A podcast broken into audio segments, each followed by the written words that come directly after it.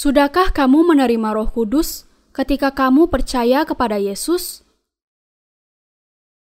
Kisah para Rasul pasal 19 ayat 1 sampai 3. Ketika Apolos masih di Korintus, Paulus sudah menjelajah daerah-daerah pedalaman dan tiba di Efesus. Di situ didapatinya beberapa orang murid, katanya kepadanya, "Sudahkah kamu menerima Roh Kudus ketika kamu menjadi percaya?" Akan tetapi, mereka menjawab dia, "Belum. Bahkan kami belum pernah mendengar bahwa ada Roh Kudus." Lalu kata Paulus kepada mereka, "Kalau begitu, dengan baptisan manakah kamu telah dibaptis?" Jawab mereka, "Dengan baptisan Yohanes." Mengapa Alkitab berkata, "Sejak tampilnya Yohanes Pembaptis hingga sekarang, kerajaan surga diserong dan orang yang menyerongnya mencoba menguasainya?" Karena manusia bisa memiliki kerajaan surga dengan iman kepada Injil yang indah yang berkata bahwa Yesus menghapus segala dosa melalui baptisannya oleh Yohanes dan darahnya di kayu salib. Injil apa yang diberitakan Paulus? Ia memberitakan Injil baptisan Yesus dan darahnya. Kisah para Rasul pasal 19 ayat 1 berkata, Ketika Apolos masih di Korintus, Paulus sudah menjelajah daerah-daerah pedalaman dan tiba di Efesus. Di situ didapatinya beberapa orang murid, katanya kepadanya, "Sudahkah kamu menerima Roh Kudus ketika kamu menjadi percaya?" Mereka adalah orang-orang yang percaya kepada Yesus dan meninggalkan makna baptisan Yesus. Mereka tidak mengenal Injil yang indah yang memimpin mereka untuk didiami Roh Kudus. Itulah sebabnya mengapa pertanyaan Paulus Sudahkah kamu menerima Roh Kudus ketika kamu menjadi percaya? Menjadi pertanyaan yang tidak lazim bagi beberapa orang murid di Efesus. Orang-orang lain akan bertanya kepada mereka, "Apakah engkau percaya kepada Yesus?" Tetapi Paulus menanyakan pertanyaan yang luar biasa ini agar mereka bisa menerima Roh Kudus melalui pembaharuan iman mereka di dalam Injil yang indah itu. Pelayanan Paulus adalah untuk memberitakan Injil baptisan Yesus dan darahnya. Paulus, Petrus, dan Yohanes juga memberi kesaksian mengenai baptisan Yesus oleh Yohanes Pembaptis. Mari kita melihat kesaksian para rasul tentang Injil baptisan. Pertama-tama, Paulus bersaksi, "Sekali-kali tidak. Bukankah kita telah mati bagi dosa? Bagaimanakah kita masih dapat hidup di dalamnya?"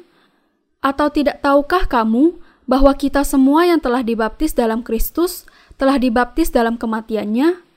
Roma pasal 6 ayat 23. Dan karena kamu semua yang dibaptis dalam Kristus telah mengenakan Kristus. Galatia pasal 3 ayat 27.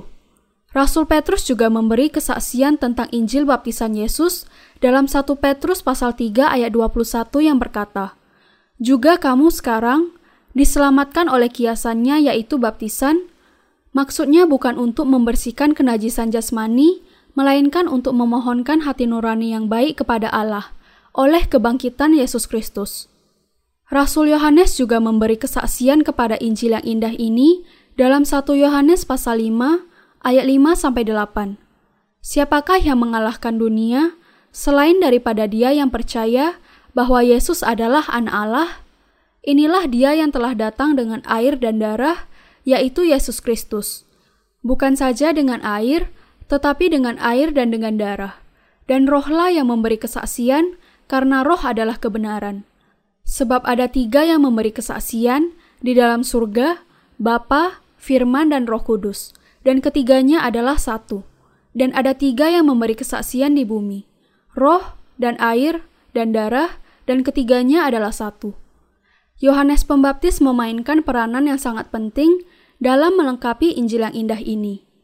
Alkitab mengatakan hal-hal ini mengenai Yohanes Pembaptis di dalam Maleakhi pasal 3 ayat 1 sampai 3 dan Matius pasal 11 ayat 10 sampai 11.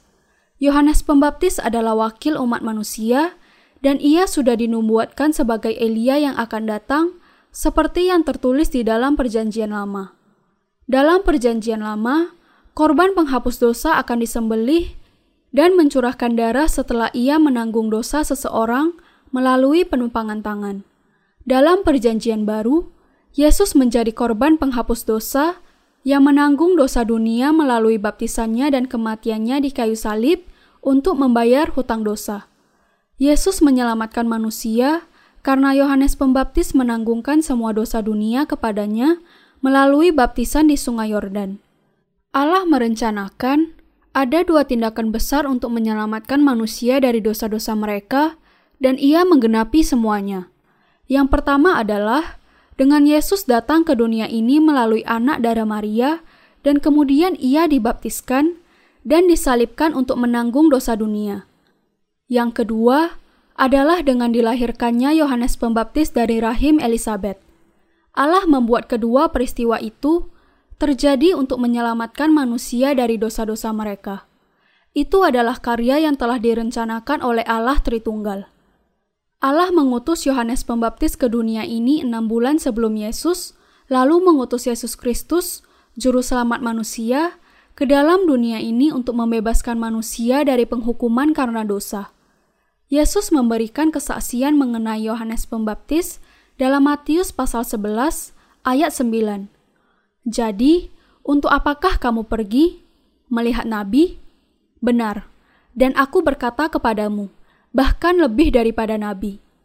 Selanjutnya, ketika Yohanes Pembaptis yang sudah menanggungkan semua dosa dunia kepada Yesus melihatnya kembali keesokan harinya, ia memberikan kesaksian dengan berkata, Lihatlah anak domba Allah yang menghapus dosa dunia.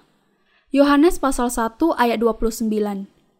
Alkitab memiliki banyak catatan tentang Yohanes yang membaptiskan Yesus, dan kita juga perlu berusaha untuk mengenalnya lebih baik. Yohanes Pembaptis datang ke dunia ini sebelum Yesus. Peranannya adalah untuk menggenapi Injil yang indah yang adalah rencana Allah. Alkitab berkata bahwa Yesus menerima dosa dunia dari Yohanes dan bahwa Yohanes menanggungkan dosa-dosa itu kepadanya untuk menggenapi kehendak Allah. Kita bisa menyebutnya sebagai Yohanes Pembaptis karena dialah yang membaptiskan Yesus. Apa sebenarnya arti pembaptisan Yesus oleh Yohanes? Kata baptis berarti membasuh. Segala dosa dunia ditanggungkan kepada Yesus melalui baptisannya.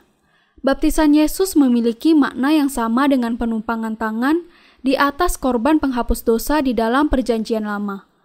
Arti rohani dari baptisan adalah diserahkan, dibasuh, atau dikubur. Baptisan Yesus oleh Yohanes adalah suatu tindakan penebusan yang menghapuskan dosa semua manusia di dunia ini. Baptisan Yesus memiliki arti penting yang sama dengan penumpangan tangan yang menjadi cara menanggungkan dosa di masa Perjanjian Lama. Dengan kata lain, bangsa Israel menanggungkan dosa tahunan mereka kepada korban penghapus dosa pada hari raya pendamaian melalui penumpangan tangan imam besar. Korban dalam Perjanjian Lama ini memiliki fungsi yang sama dengan baptisan Yesus dan kematiannya di kayu salib. Allah menetapkan hari raya pendamaian sebagai waktu untuk menghapuskan dosa seluruh bangsa Israel. Di hari ke-10 bulan yang ketujuh, imam besar menanggungkan dosa tahunan seluruh bangsa itu di kepala korban penghapus dosa dengan penumpangan tangan di kepala korban itu untuk menjadi pendamaian bagi dosa bangsa itu.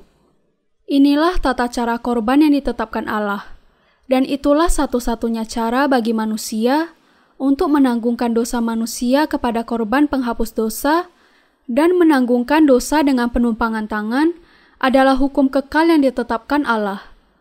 Harun harus meletakkan kedua tangannya ke atas kepala kambing jantan yang hidup itu dan mengakui di atas kepala kambing itu segala kesalahan orang Israel dan segala pelanggaran mereka, apa pun juga dosa mereka. Ia harus menanggungkan semuanya itu ke atas kepala kambing jantan itu dan kemudian melepaskannya ke padang gurun dengan perantaraan seseorang yang sudah siap sedia untuk itu. Demikianlah kambing jantan itu harus mengangkut segala kesalahan Israel ke tanah yang tandus, dan kambing itu harus dilepaskan di padang gurun. Imamat pasal 16 ayat 21 sampai 22. Dalam perjanjian lama, seorang berdosa meletakkan tangannya di kepala korban penghapus dosa dan menanggungkan dosanya kepada binatang itu, sehingga ia mendapatkan pengampunan. Dan di hari raya pendamaian, Imam Besar Harun sebagai wakil bangsa Israel meletakkan tangannya di kepala korban untuk menanggungkan seluruh dosa bangsa Israel. Lalu binatang korban itu disembelih setelah ia menanggung dosa-dosa itu. Hal itu memiliki makna rohani yang sama dengan baptisan atau baptisma dalam bahasa Yunani berarti dibasuh, dikubur, diserahkan, yang diterima Yesus dari Yohanes di Perjanjian Baru. Sama seperti imam besar dalam Perjanjian Lama, melakukan penumpangan tangan di atas korban penghapus dosa untuk menyerahkan dosa bangsa Israel, demikian juga seluruh dosa manusia diserahkan kepada Yesus untuk ditanggungnya melalui baptisan oleh Yohanes Pembaptis. Lalu Yesus mati di kayu salib untuk memperdamaikan dosa-dosa kita. Inilah Injil kebenaran yang sangat indah itu.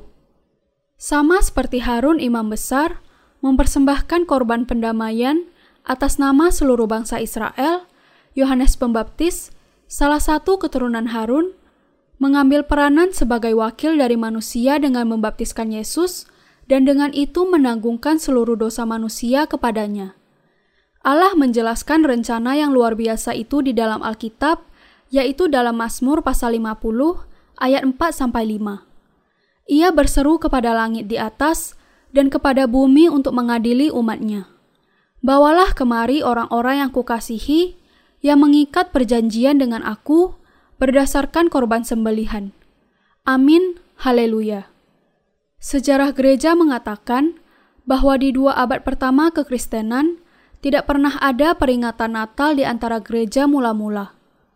Orang-orang Kristen gereja mula-mula dan para rasul hanya memperingati tanggal 6 Januari sebagai hari baptisan Yesus di Sungai Yordan oleh Yohanes Pembaptis. Mengapa mereka memberikan penekanan yang sangat besar kepada baptisan Yesus dalam kepercayaan mereka? Jawabannya menjadi kunci kepada apa sebenarnya inti kekristenan yang rasuli. Tetapi saya harap agar Anda tidak menjadi bingung antara baptisan air orang percaya dengan baptisan Yesus. Baptisan orang-orang percaya yang ada sekarang sangat berbeda dengan baptisan yang diterima Yesus dari Yohanes. Kita harus memiliki iman yang sama dengan iman murid-murid Yesus kalau kita mau menerima Roh Kudus berdiam di dalam hidup kita. Kita semua harus menerima berdiamnya Roh Kudus dengan percaya di dalam baptisan Yesus yang diterimanya dari Yohanes dan kepada darahnya di kayu salib. Kalau gereja mula-mula memandang baptisan sebagai sebuah ritual yang teramat sangat penting, itu adalah karena iman mereka yang sangat teguh kepada baptisan Yesus, dan sekarang ini kita juga perlu memandang baptisan Yesus oleh Yohanes sebagai bagian yang tidak terpisahkan dari proses keselamatan kita. Selanjutnya, kita harus menerima dan taat kepada iman atas pengetahuan yang benar itu yang mengatakan bahwa Yesus harus disalibkan sesudah ia dibaptiskan oleh Yohanes. Kita harus selalu mengingat bahwa Roh Kudus mulai berdiam di dalam kita pada saat kita percaya bahwa Yesus dibaptis, mati di kayu salib, dan dibangkitkan untuk menjadi juru selamat kita. Baptisan Yesus oleh Yohanes dan darahnya memiliki makna yang sangat khusus di dalam Injil yang indah itu. Cara yang pasti untuk menerima Roh Kudus adalah dengan percaya kepada Injil yang indah tentang baptisan Yesus dan darahnya. Baptisan itulah baptisan penebusan yang membawa kita untuk menerima Roh Kudus. Karena banyak orang tidak menyadari kuasa baptisan Yesus, mereka menganggap bahwa baptisan Yesus itu hanyalah upacara seremonial belaka. Baptisan Yesus membentuk bagian dari Injil yang indah itu yang mengatakan kepada kita bagaimana ia menanggung dosa dunia dan menerima penghukuman ganti mereka dengan mencurahkan darahnya di kayu salib. Setiap orang yang percaya kepada perkataan Injil yang indah itu akan menjadi anggota gereja yang adalah milik Tuhan dan menikmati berkat-berkat Roh Kudus. Roh Kudus adalah anugerah dari Allah kepada mereka yang telah diampuni segala dosanya. Dengan baptisannya, Yesus layak menjadi anak domba Allah yang menghapus dosa dunia. Yohanes pasal 1 ayat 29. Dalam Yohanes pasal 1 ayat 6 sampai 7 dikatakan, Datanglah seorang yang diutus Allah, namanya Yohanes. Ia datang sebagai saksi untuk memberi kesaksian tentang terang itu, supaya oleh Dia semua orang menjadi percaya. Agar dapat percaya kepada Yesus sebagai Juru Selamat yang menghapuskan segala dosa kita, kita harus memahami pelayanan dan kesaksian Yohanes seperti yang tertulis di dalam Alkitab. Baru sesudah itu, kita bisa percaya kepada Yesus sebagai Juru Selamat. Untuk menerima Roh Kudus, kita memerlukan iman yang kuat, yang dikuatkan lagi oleh kesaksian ini. Dengan demikian, untuk melengkapi Injil yang indah itu, kita harus percaya kepada baptisan Yesus oleh Yohanes dan darahnya di kayu salib. Dalam Matius pasal 11 ayat 12 tertulis, Sejak tampilnya Yohanes Pembaptis hingga sekarang, kerajaan surga diserong dan orang yang menyerongnya mencoba menguasainya. Bagian ini terkenal sebagai salah satu ayat yang paling sulit di dalam Alkitab. Tetapi frase yang harus kita perhatikan secara seksama adalah sejak tampilnya Yohanes Pembaptis. Bagian ini dapat dipastikan mengandung arti bahwa pelayanan Yohanes secara langsung berhubungan dengan pelayanan Yesus bagi keselamatan kita. Yesus menghendaki agar kita masuk ke dalam kerajaan Allah dengan iman yang berani, sama seperti keberanian para pahlawan. Kita melakukan dosa setiap hari. Kita lemah. Tetapi ia mengizinkan kita masuk ke dalam kerajaannya dengan iman yang berani, tanpa mengingat lagi kejahatan kita. Bagian ini berarti bahwa manusia bisa masuk ke dalam kerajaan surga dengan iman kepada Injil yang indah itu, yang mengatakan bahwa Yesus menghapuskan dosa dunia melalui baptisannya oleh Yohanes dan darahnya di kayu salib. Dengan kata lain, surga bisa diperoleh dengan iman yang berani di dalam Injil tentang baptisan Yesus dan darahnya. Baptisan Yesus menghilangkan dosa-dosa kita, dan iman kita kepada Injil itu menjadi jaminan bahwa kita akan menerima berdiamnya Roh Kudus. Kita harus memberitakan Injil ini kepada tetangga-tetangga, saudara, kenalan, dan kepada semua orang di dunia ini. Kita harus memiliki iman di dalam Injil yang berkata bahwa dosa dunia diserahkan kepada Yesus melalui baptisannya. Dengan iman kita, kita akan mendapatkan berkat penebusan dan Roh Kudus berdiam di dalam kehidupan kita. Baptisan Yesus menghilangkan dosa kita dan darahnya merupakan penghakiman atas dosa. Kita harus menjelaskan kepada orang-orang yang belum percaya mengenai Injil air dan roh yang indah. Hanya dengan itu, mereka akan bisa percaya kepada Injil dan menerima roh kudus.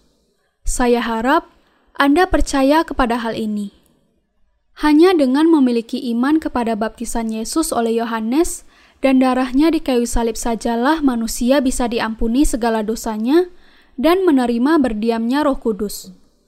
Semua manusia bisa menjadi anak Allah, tempat berdiamnya roh kudus, dan saudara-saudara kita dengan percaya kepada Injil air dan roh yang indah itu.